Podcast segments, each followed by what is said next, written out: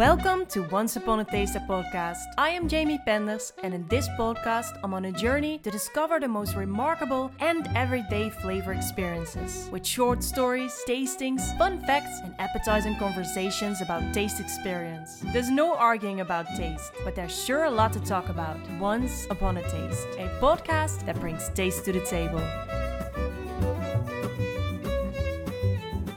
As you can hear, this podcast will be a bit different from the previous ones because I figured as flavor has no borders, language shouldn't be a barrier either.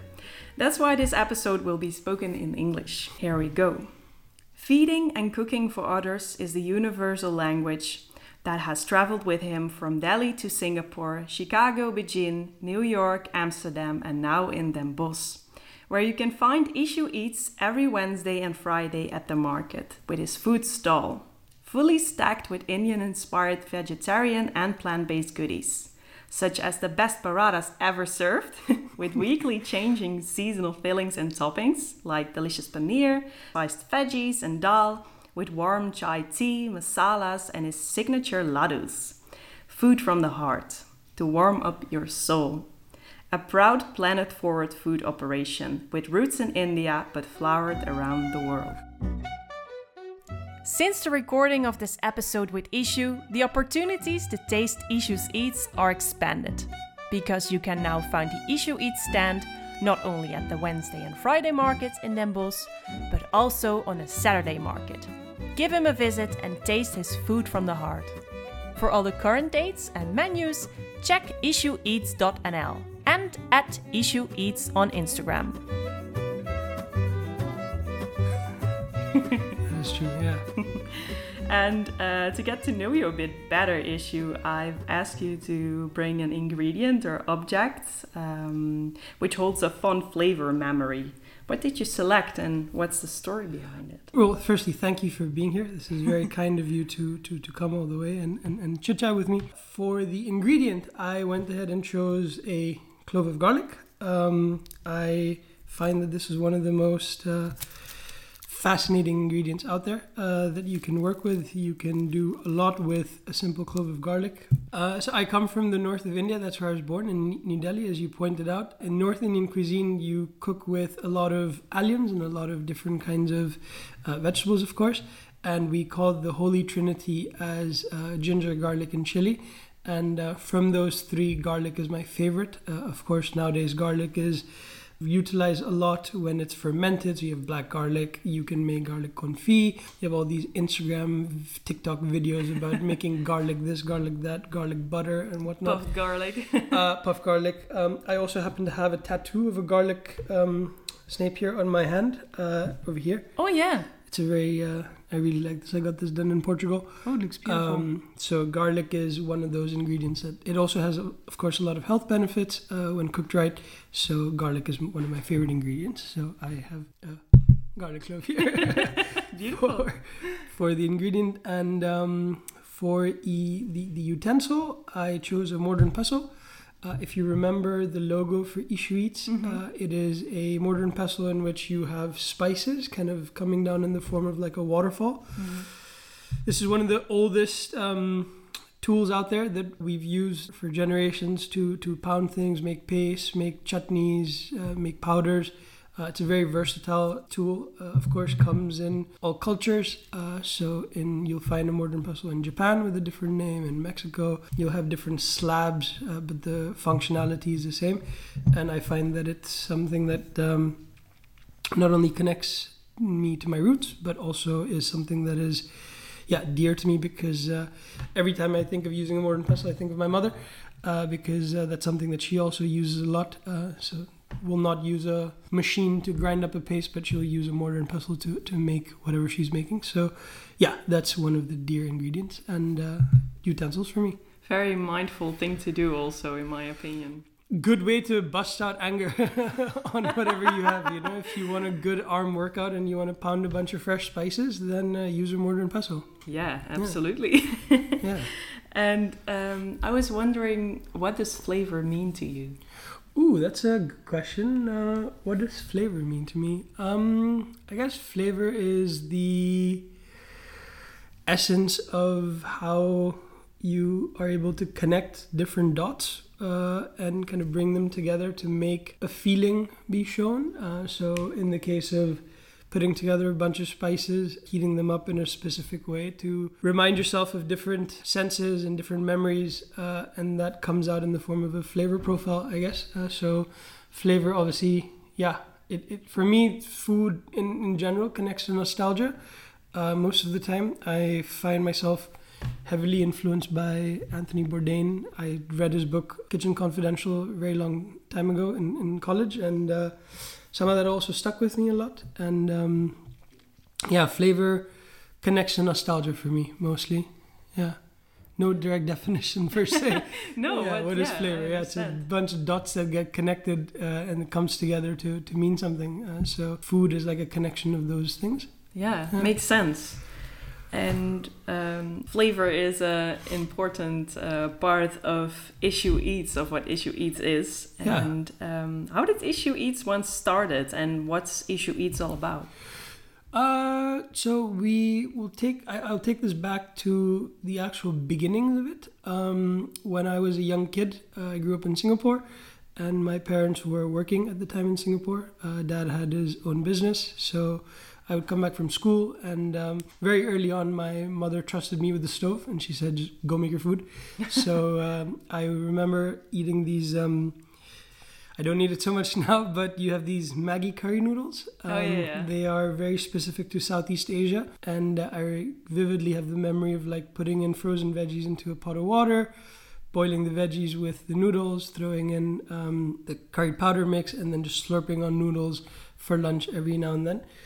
Fast forward to college, um, you know, you are a, you're a student. I was an immigrant, obviously, so international student in the U.S um, you want to be able to maximize your bang for your buck with whatever you do. So, if you know anything about the American college uh, food world, you know that it's filled with uh, super unhealthy food. There's the thing known as freshman 15, where first year that you come into college, you gain like 15 pounds because you're just eating pizza and pasta all day long with uh, all sorts of things. So, there was a lot of cooking happening in college, whether it was like weekends or whatever, going into a friend's apartment and just cooking food for everyone. So food kind of kept with me um, as a way of not just expressing myself, but also just as a way of bringing people together.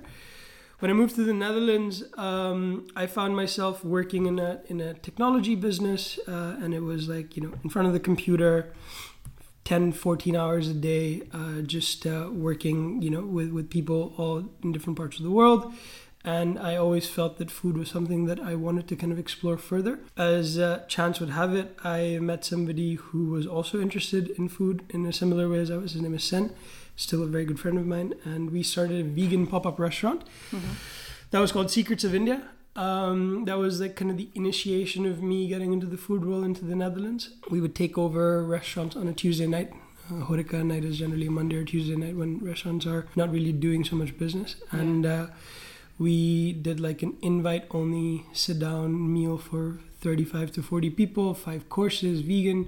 Sen was vegan. I was not vegan. I'm still not vegan. I'm vegetarian. Uh, and uh, yeah, we kind of did that um, for a couple of dinners. The theme was that we would kind of explore the cuisine of a specific city uh, and then make people taste the food, drinks from that part of the world. This was way back in 2016. So by that time, uh, we realized that like okay, we both have like full time jobs, and uh, we cannot continue our full time jobs and excel at bringing this pop up restaurant thing forward. We also then did um, on the side like some cooking classes. Now they're called cooking workshops, yeah. uh, which was fun. Uh, but then yeah, immediately we realized that okay, we cannot half-ass it. You know, like we cannot be true to ourselves if we do it that way. So we we we shut shop on that. Fast forward to 2020, I um, had decided to to to change what I was doing and not work in the business technology e-commerce world anymore, and uh, decided that it was time to take the leap and kind of follow not only my passion but also just what I felt that I would be best at, which was to do something with food. I come from a family of foodies. My mother is a you know, is one of those like Instagram famous chefs. My sister is a celebrity chef in India. She uh, is you know, professionally trained. Uh, my other sister is, a, in my eyes, a professional eater. Uh, she loves to eat. Um, I love to call myself that way too. yeah, it's a, it's a good thing to be, no? Mm. Um, so I was obviously influenced by them, and uh, having lived in all these different countries, growing up in different cultures, food had a unique meaning for in my head. So it made sense to like take the leap and just figure out what to do. So um, we were living here in Den Bosch, and um, I decided to, to to start something with food. So I went to the KVK and registered uh, because. Uh, couldn't think of a better name at the time, and it just felt like uh, it was the right name to have at the time. Uh, and I registered it as a catering company because I thought best way to get in front of people with food would be to just feed as many people as possible, and yes. that catering is a good way to to do that. I did not know, however, that um, me taking a leap would also mean that the world would take a leap into into COVID at the time, and uh, it was quite um, terrifying in one way that like uh, the the way it proceeded was that you know everything was shut down and here I was like oh I want to sell food to people. But then obviously in the beginning there was no clarity as to what was going to happen. Restaurants were shutting down uh, McDonald's was shut and it's like oh wait what do you do now? Yes. so I went to the local shop here the Dille & Kamille. I asked them if they have a chalkboard and I picked up the biggest chalkboard and I uh, stuck it to the back of our garden and I said free tuches and uh, I made some ladus and I offered them out to people and I said, hey, next week I will be making some food, so if anybody's interested, let me know. And uh, I wrote down people's names in a in a diary and like made a little menu of like what a thali would be and kind of tried to explain to people that like yeah, thali is this you know big plate that has different types of food elements on it and whatnot. And then started it. Um, one weekend led to another, led to another, and um, of course, Indian food is so universal now mm. that uh, every it's like Chinese food in a way as well. That you know everybody knows the basics. Uh, everybody knows what a naan is or what a vindaloo is or you know curry madras or something like that. But then I was here like trying to tell people what lobia is, and it's like it's um, black-eyed peas. Oh yeah, uh, which is not very like Indian in that way. But then I grew up eating that, so I was yeah. like, oh yeah, I'm going to introduce you to things that I know. Um, and they were like, "Oh, this is not what your standard restaurant affair is like." So, combination of people not having that many choices to go out and eat. Um, it was also one of those things that like everybody was locked in, and then it's like, "Oh, we can go to Ishu's to pick up food." Uh, it was a way to kind of have some form of social interaction.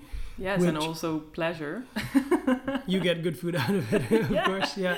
Um, so yeah, our, our, our back garden gate thing kind of became this place where every weekend people came and they just picked up food. I come from an e-commerce background, so like setting up a website and doing all of these things also came naturally to me. So I took advantage of that. Any sort of home-based operation that you would know of earlier would kind of be very, um, I don't know, like you know, only WhatsApp and this and that. But I combined all my previous history of knowing how to to run an online business and you know yeah.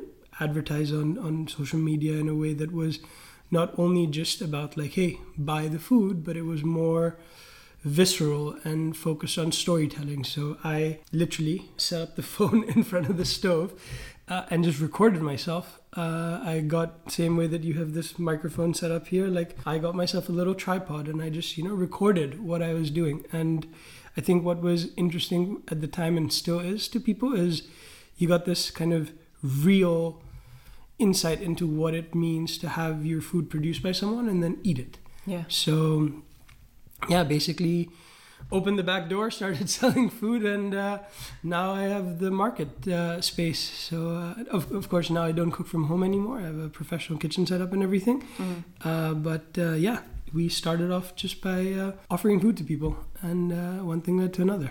It's a beautiful journey to hear all the dots connecting. Yeah, it's uh, it's fascinating how like you know in today's day and age you you basically just need to go out in quotes to the market, and if the market accepts what you do and they find value in it, then uh, then you you get value back. So in the true capitalist form, it's meritocratic in that way that you know you cook good food and you sell it, people will buy it. Um, Yeah. Doesn't matter the price or anything like that. If you tell them an honest story about what you're doing, uh, they, they will accept it. So Yeah. we've been uh, doing that ever since, and Yeah. uh, it's worked out. And they embraced it. Yeah. And with Ishu Eats, you bring food from the heart. What does food from the heart mean to you? Good question. Uh, it's um, so food from the heart is our tagline, um, and um, I try and work with my gut as much as I can. And it was one of the first. Um, yeah, I don't know. Like every brand should have a tagline, kind of a thing. So I was just like, yeah, I also want a tagline for Eat, and somehow it made sense to kind of bring food forward the way I thought about food. And for me, food was always and is is still always my way of connecting with people um, to share with them how I feel share with them what I think about certain things. And it always was not emotionally written, but it was definitely charged up with emotion. Uh, it's also the the kind of connection that, like you know, I, I grew up obviously in in different countries here and experienced food in a way that like you don't go to the supermarket to buy food all the time. Uh, you go to the market, you go to the vegetable vendor, you go to the fruit vendor they come home to you to deliver certain things. If you want certain items that are not available let's say in india you go to a specific market where you can get imported products and whatnot. So food always had like a very deep connection to like the people. Uh, and when i think about my way of expressing that it was like yeah it kind of comes from the heart. Uh, and it's also a little bit like when i cook i don't really try and follow um, recipes per se. Sure there's like a big overarching theme of like okay this is the technique that i want to use and like these are the spices that i want to use but where i come from like if the tomatoes are sour on the given batch that you're cooking with you adjust the mm-hmm. sweetness with sugar and then you balance out the salt levels and you don't have like a specific recipe that you follow. I obviously didn't work in kitchens before which i did after i started Ishu Eats as a thing on the side and I noticed that, like, yeah, in most restaurants, there's a lot of like, you follow the recipe to the T, and that's it. You know, you, this is the recipe. You follow the recipe. Food was a little bit more about like, okay, you know, I want to cook the way I I, I want to cook openly and like kind of cook, you know, with a little bit of uh, how do you With your senses.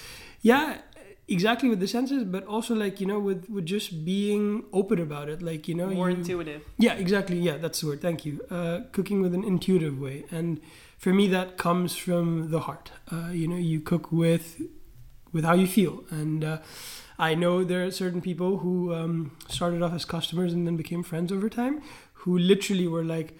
Did you have a bad day yesterday or something after eating the food? It's like, why? What do you mean? This is like way in the beginning. So I was, I still do it, but like after every meal, I take feedback, and I was like, why do you, why do you say like, you know, um, was I having a bad day? She's like, yeah, the food was hell spicy. so it's like, was I feeling spicy the day before or something like that? And uh, yeah, so for me, that's like, wait, you can actually feel how I was feeling, and then that gets translated to the food. So it is kind of connected to emotion of, of the heart in a way. So food from the heart is basically that. You just cook with with your heart. Yeah, I always had it the other way around when I uh, cooked in kitchens. I worked with chefs that told me it should be tasty. You should taste it Yeah. and adjust it, and um, that's the way you should cook. Like yeah, with your heart and with your palate. Yeah. But I was not comfortable enough to do that in, in someone else's kitchen. I, I in, in my own kitchen. I yeah I Go crazy. I cook with uh, yeah I cook with my heart and with my senses and with my intu- uh, intuition and I like to experiment but in, in in the real kitchen I'm like oh but yeah I need some guidelines to start off from and then I can go Absolutely. with these experienced chefs I was like yeah I know you can say this but so it's good to it's funny to see how everybody uh, moves around with that Yeah, I also uh, was lucky enough, uh, actually, in my uh, in my pursuit to figure out what it means to run like a proper horeca operation. I, I gave myself the opportunity to like work in different kitchens and collaborate with different businesses. And exactly what you're saying that you know, taste first. Um, friend of mine, Jeff, he says flavor first. Uh, he's in Tilburg from Toko Bar, but also um, chefs that I've worked with in Utrecht and in Amsterdam, like they they all kind of embody this nature of like if it doesn't taste good, people are not going to eat again with you. So it was never about like you don't really care for the uh, the first time that they eat with you because they've decided to eat with you anyways already. It's about will they come back to eat. So Yeah. do you do you bring them enough joy to have them come back, and that comes from flavor. I think you can really speak to people um, with the food, uh, and you know, kind of bring them a completely different experience on how you flavor or how you spice something or how you balance out certain flavors and that to me is like the magic of, of, of bringing food from the heart Yeah, I, I do have that with my baking. Yeah. Just like to, yeah, it's, it's like I push a button and then in, I'm in this state of trance and I go baking and that's just my secret world, I guess. And Yeah. then, then I can accomplish that to, yeah, work with your heart and just try to experiment and then magic comes out. yeah yeah i've been um, i i sometimes feel like i'm really lucky in this way like my sister uh, in in india kishi she's a pastry chef so i grew up well she was starting her business in india as her little guinea pig uh, to try out different desserts and this and that. So i've been blessed with like all the good good things out there and uh, yeah it's been fantastic so far And um, like I was already saying at the start, that uh, food breaks all barriers. And in your stories on Instagram, you once said food breaks all barriers and can be the t- uh, starting point for change. Yeah. What you eat makes a whole lot of difference, and it can turn your world around. How how did you experience this yourself? Um, I'm glad that somebody watches my stories and keeps a tab on with what I say. so thank you for that.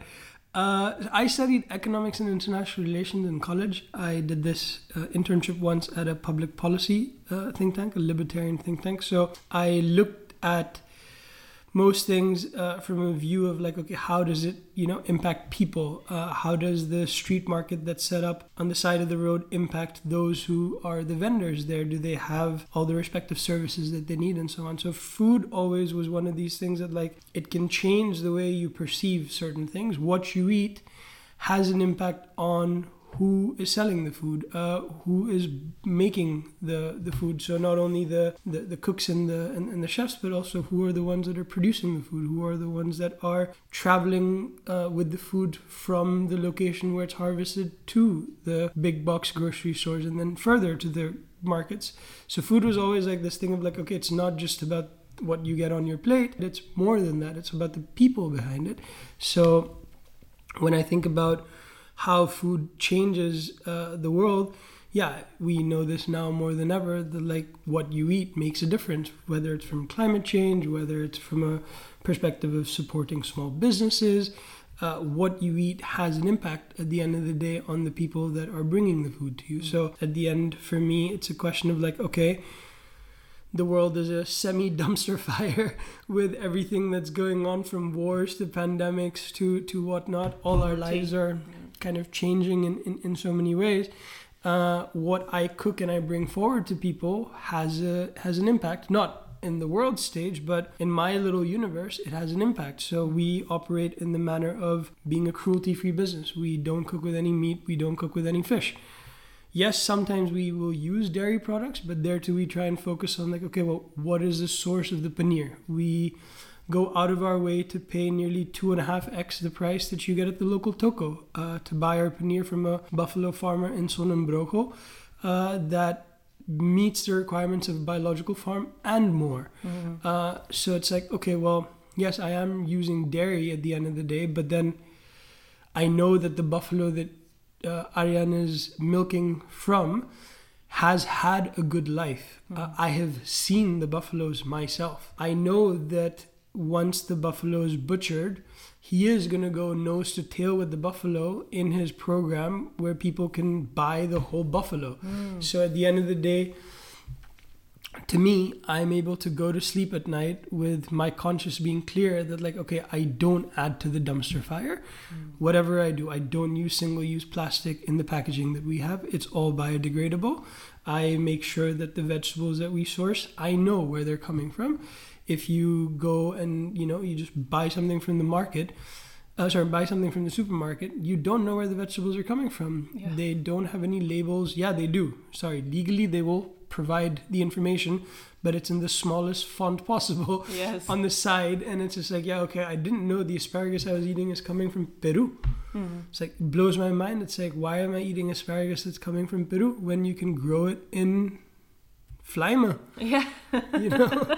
so why is it that like, oh no, it's you know the economics of demand and supply and everything. I understand that, but it's just like, well, if everybody chooses to eat locally, Mhm. then there's some benefit in that for sure. We've seen obviously now with the pandemic about how these global supply chains, once interrupted, can cause huge problems not only for the economy but also just for people.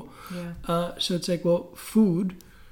I grew up with food being something that if you wanted morels, Mhm. yeah, they don't grow in Delhi. Uh, they, they they are not found in Delhi. So it's like you have to ask the vegetable guy that comes at home to ask the one that he buys his veggies from to say, hey, can you find a source for morels? Then maybe in like some time, only in season, will you get them, but maybe you won't.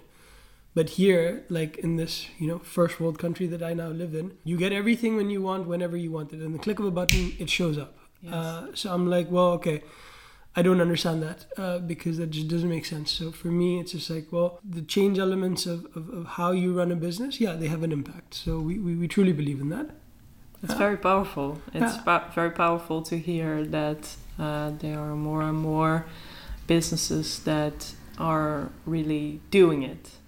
Yeah, I think you you can see that more and more in, in all facets of life now that people are, whether it's buying uh, organic food or biological food or buying sustainable clothing or you know, there's so many ways that we are now trying to figure out what is the more um, equilibrium focused way of living life where you know we don't add to the dumpster fire. I can't think of a better word. Yeah. Uh, but uh, you know, you want to live a life in which you feel that you're not harming others. Uh, Mm. I think that's very important to me as a person, but also as a business. At the end of the day, like yeah, you can.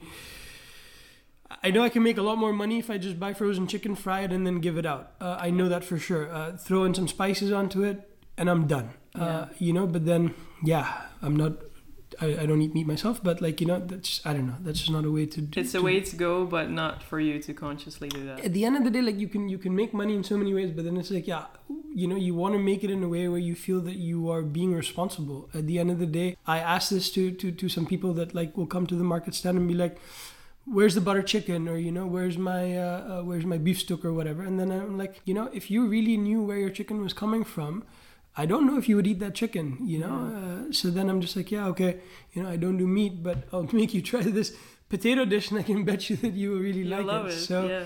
yeah we, we try and be very um, focused on on the sourcing and the relationships that we have so that really makes a difference for us You're a great uh, collaborator with other chefs such as Urda, who makes the, your uh, delicious parathas. yeah and local farmers, uh, which you already por- uh, pointed out, who um, provide your fresh uh, seasonal ingredients. What did these collaborations taught you? ooh that's a good question um so Tante Urda, she's a, she's a, a lady from Morocco, and uh, she makes breads at the local Turkish store where I uh, would get bre- breads for myself. And um, yeah, I uh, asked them if they could help me out to make breads that I wanted with, with certain mixes and fillings and whatnot. And she was very kind to do that. Um, what what has she taught me so far? Yeah, she always says to me, "Jonge, um, komt goed uh, voor jou every time." Everything Uh, will be yeah, fine. Yeah, because um, yeah, I think she feels that like I'm really trying to spread something positive, Hmm. uh, and uh, she's really taught me the the art of patience um, because for her um, it's like you know he keeps ordering these parathas every week and he keeps upping the number uh, and I keep telling her that like you know can you do more? Can you do more? And she's just like yeah you know it'll come it'll come. Uh, so she does that and uh, yeah I learned from her patience that you know you, you got to keep going through and um, through the other vendors I've just learned the the joy of um, yeah working with nature uh, it was something that I really didn't have so vocally and so outwardly for myself before but now I tell Marias, the, the farmer, to shoot a video about the knolselderij that he's harvesting, and then I use that to show other people, like, this is where it's coming from. Yeah. Uh, so what, what they've taught me is basically the transparency that uh, that I believe should exist. Uh, I think, if possible, if I can put this out there, and you know, if, if it works,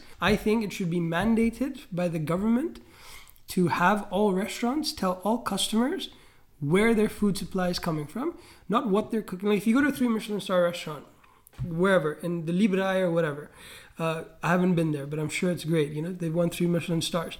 Uh, you go to any two star, one star, whatever. You go to a fancy restaurant, small restaurant, doesn't matter.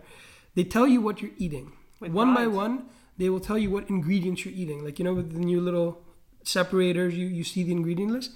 But you ask them, where's it coming from? What percentage of your menu is local versus what percentage of your menu is international? Just give the information to the customer, then see how they react. Right now, you don't know. Like, I can imagine you go into a restaurant. Yeah, if you go into a Japanese restaurant, you're going to be eating a lot of Japanese products in there. Mm-hmm. But if you go to a local Dutch restaurant that's serving you, I don't know, asparagus in the asparagus season, would you be concerned at the end of the day, like if the asparagus is coming from Peru? I would be. I know that I would be like, huh? Why is it coming from Peru? You know? Mm-hmm. I just think it's a it's a question that that, that should be asked by more people. That like, you know, where does your food come from? Uh, Because that is like if you don't know where the supply is coming from, then you are just. I could give you garbage.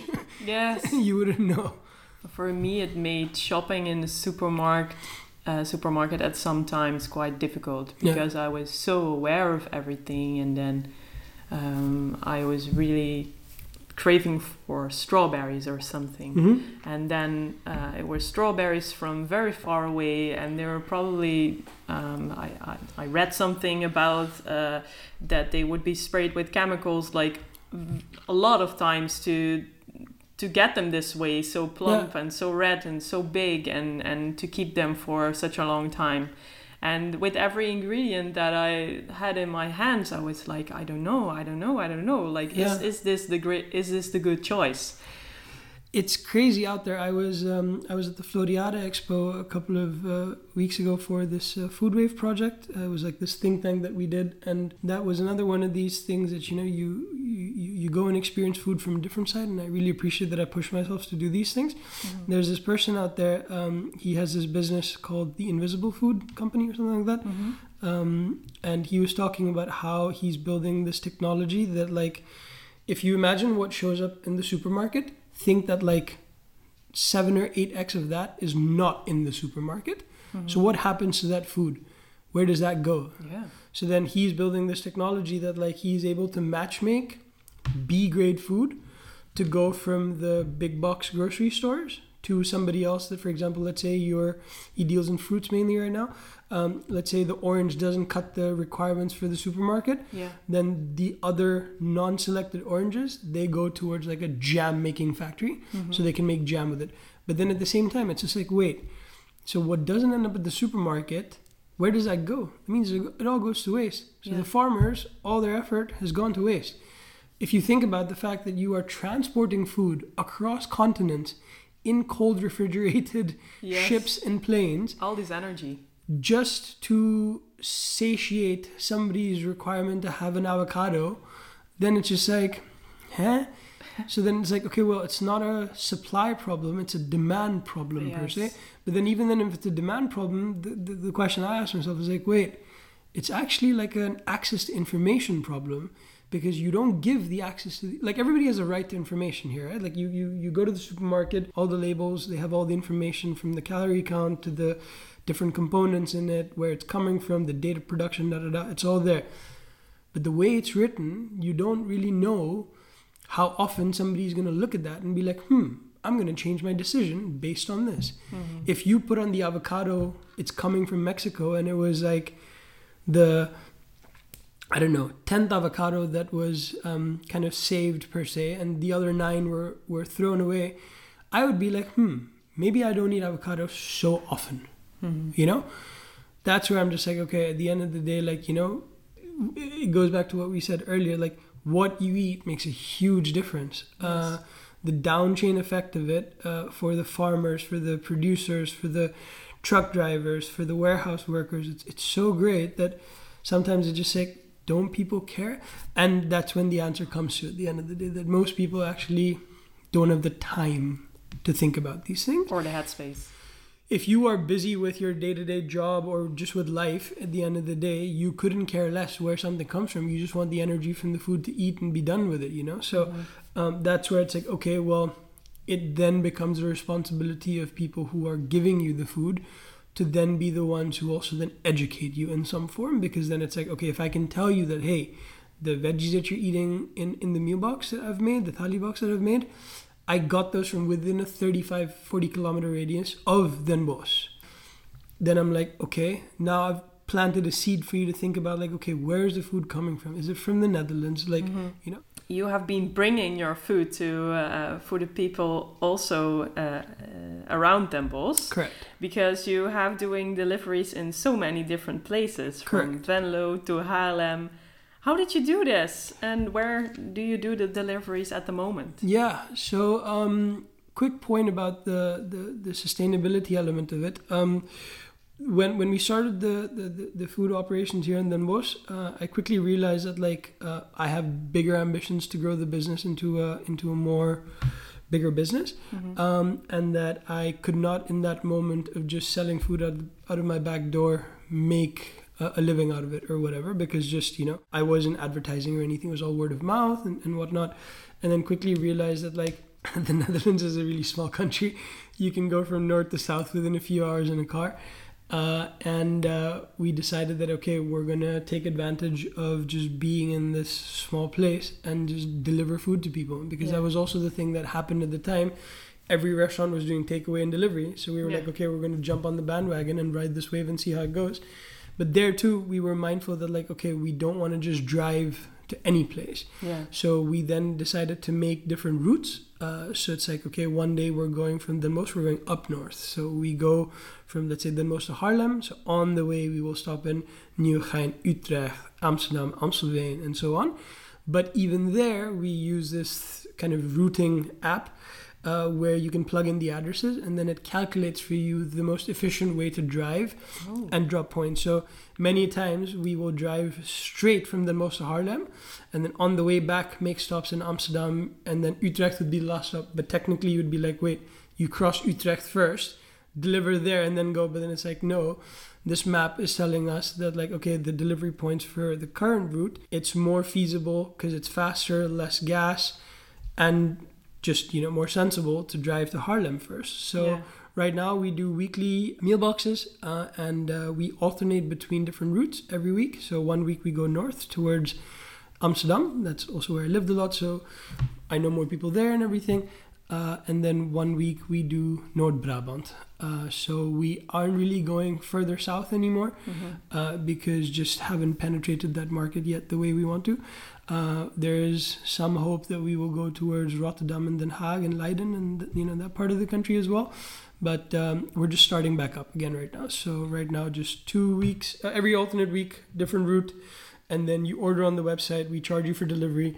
Uh, to make sure that even the delivery guy is paid properly. Uh, and uh, of course, costs are covered for delivery. And uh, yeah, we deliver the food to you. Uh, we pack it in cool boxes so that it remains at the right temperature so that the food doesn't spoil. And then uh, yeah we deliver the food to you. Uh, and then you enjoy. Yeah and also like as a food business the question always comes up like you know what's your scale uh, that you will kind of grow in? Because if you think about a restaurant at the end of the day once you've got a full service night that's it you know? You are only going to then maximize per table order. Mm. Maybe you can do two service runs and you can have two uh, you know uh, an early dinner and a late dinner but then that's kind of it. Uh, and for us it's like okay well we do want to operate in a manner of scale.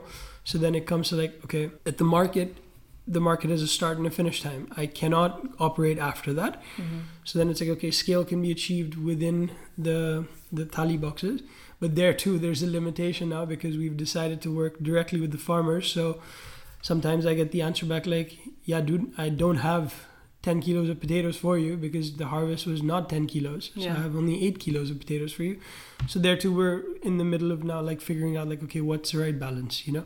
But we're starting up, so luckily that problem hasn't hit us fully yet. Mhm. But uh, in due time that will. So we'll have to figure out how to channel scale in a different way. So that's that, that for me, that's like the fun part. Like, you know, you operate a food business, but then I know I worked at this event in Den Bosch, um, and we were just, you know, pumping out uh, dishes. Like we were making these uh, uh, dishes, and it was just like pop, pop, pop, pop, pop, you know, daily. And, and I asked one of the people that I was working, I was like, do you have a limit for how much you can order these things? I was like, no. How much do you want? And I was like, so you can just order as many gambas as you want? And he was like, yeah, I can. So just, just delivery day changes.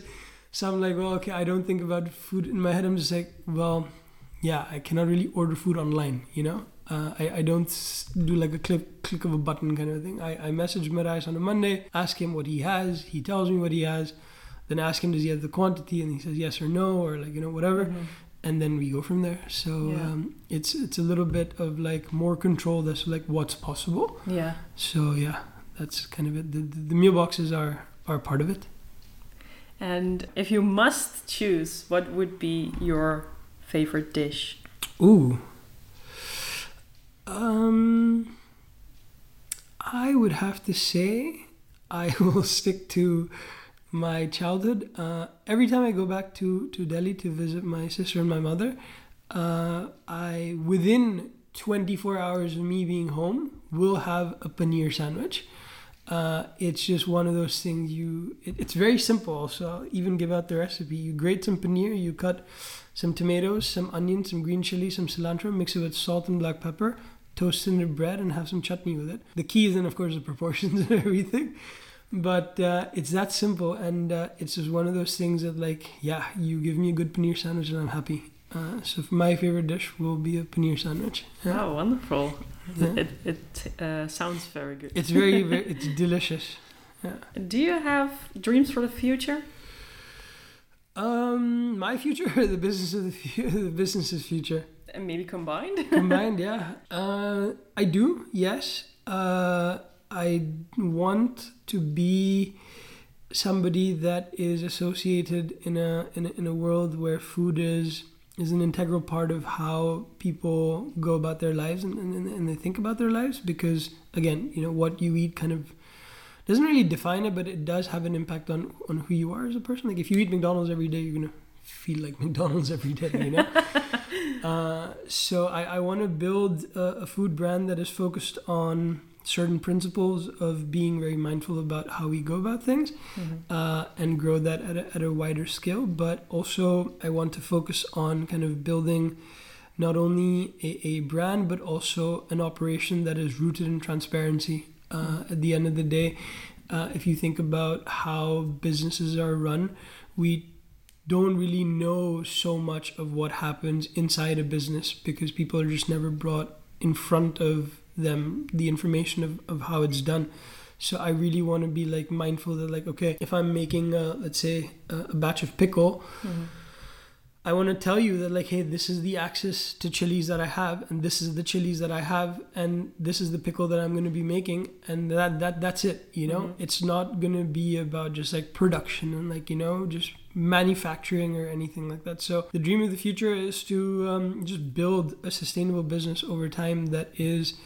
rooted in, in, in equity for everybody that works with, uh, but not just with me, but also like everybody that's down the chain. So one of the challenges I have right now is that like I do a song and dance about like how all the vegetables are, are biological and, and, and coming from regenerative farms, but like the spices are not, you know? Mhm. I don't have a good source out of India uh, where I can ship out the right kind of spices because yeah the stuff that you buy here that's not the best quality stuff Mhm. the stuff that i have in my basement that i bring back for myself that's the best quality stuff Mhm. not the stuff that you get at the toko here nobody knows where that's coming from um, Mhm. might be sitting in warehouses in india for, for, for months and years so the the goal is to slowly chip away at each element of the business uh, to find the best source possible uh, and then basically build on that uh, but then at the same time work with others spread the not the message but like just spread the goodness of like okay you know what you can cook good food at a good price sell it to people at a good price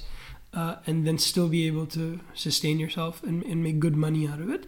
Uh, so that's basically the idea. No, no specific like I want to be the the best Indian food operator in town or not. No, none of that stuff. Uh, just want to continue down a path of making really good, delicious food at the end of the day, and um, being able to sleep at night with peace. That like you know didn't add to the dumpster fire.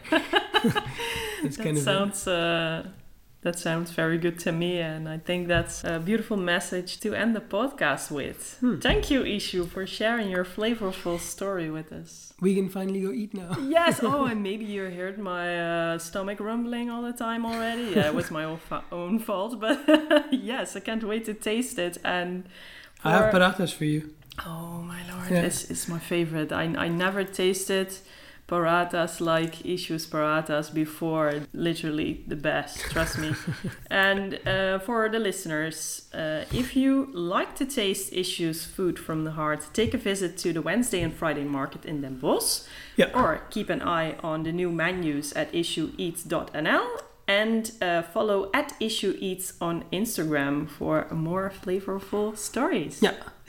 Thank you very much. Thank you so much. Since the recording of this episode with Ishu, the opportunities to taste Ishu's Eats are expanded. Because you can now find the Ishu Eats stand not only at the Wednesday and Friday markets in Den Bosch, but also on a Saturday market. Give him a visit and taste his food from the heart. For all the current dates and menus, check ishueats.nl and at Ishu Eats on Instagram. Hungry for more? Subscribe to Once Upon a Taste the podcast to never miss an appetizing episode. Follow me on Instagram at onceuponataste.podcast or check onceuponataste.com. Do you have a cool story to tell? A written short story to read aloud? Or perhaps an interesting question or topic? Just let me know via info at onceuponataste.com. Until the next episode of Once Upon a Taste, a podcast that brings taste to the table.